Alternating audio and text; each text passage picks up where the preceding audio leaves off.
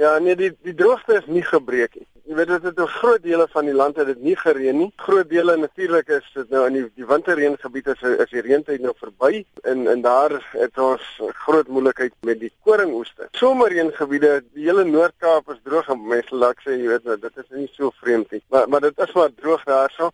Die Vrystaat, die grootste deel van die Vrystaat is droog. Dit het in die oostelike dele van die Vrystaat gereën. Selfs in die Noordwes het dit sekere plekke gereën. Maar grootendeels is dit nog steeds maar droog.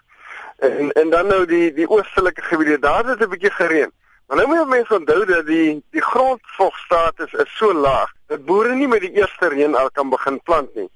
Dit was waarskynlik maar na die tweede keer wat dit gereën het wat hulle kan begin plant. Oorhange is daar wel dele waar daar mielies geplant is, maar dit is nie vreeslik baie nie. KwaZulu-Natal is net so droog. Weet julle al hoeveel geplant is? Ons aanleiding is dat daar miskien al so 20% van die mielies wel geplant is. Die probleem wat mense nou begin optel is dat almal moet nou kortseisoen kultivars plant en dit is nie vanselfsprekend dat daar genoeg saad daarvoor geplant sal wees en dit is waar hierdie projeksie hierdie glyskaal projeksie vanaf kom wat ons sê as dit nou vanaf voorkant te normaal en selfs bo gemiddeld reën dan kan ons miskien nog so 9 miljoen ton mielies haal.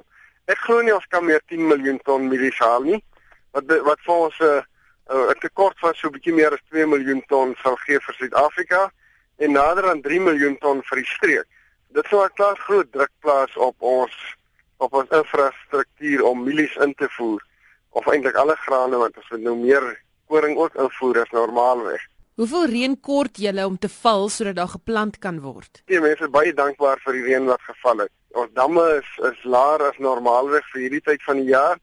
En dit bring natuurlik nou stadig aan 'n uh, eh, uitdaging mee vir die vir die besproeiingsgebiede ook wat meer as 25% van ons totale landbouproduksie lewer. So die die prentjie is wel beter. Mense dankbaar vir elke druppel wat dit reën. Dit is nie wat ons graag sou wil hê nie.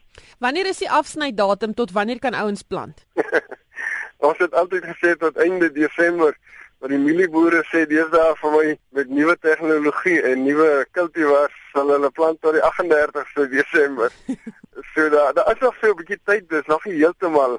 Dis nog nie, jy weet, dis nog nie alles is nog nie verlore nie.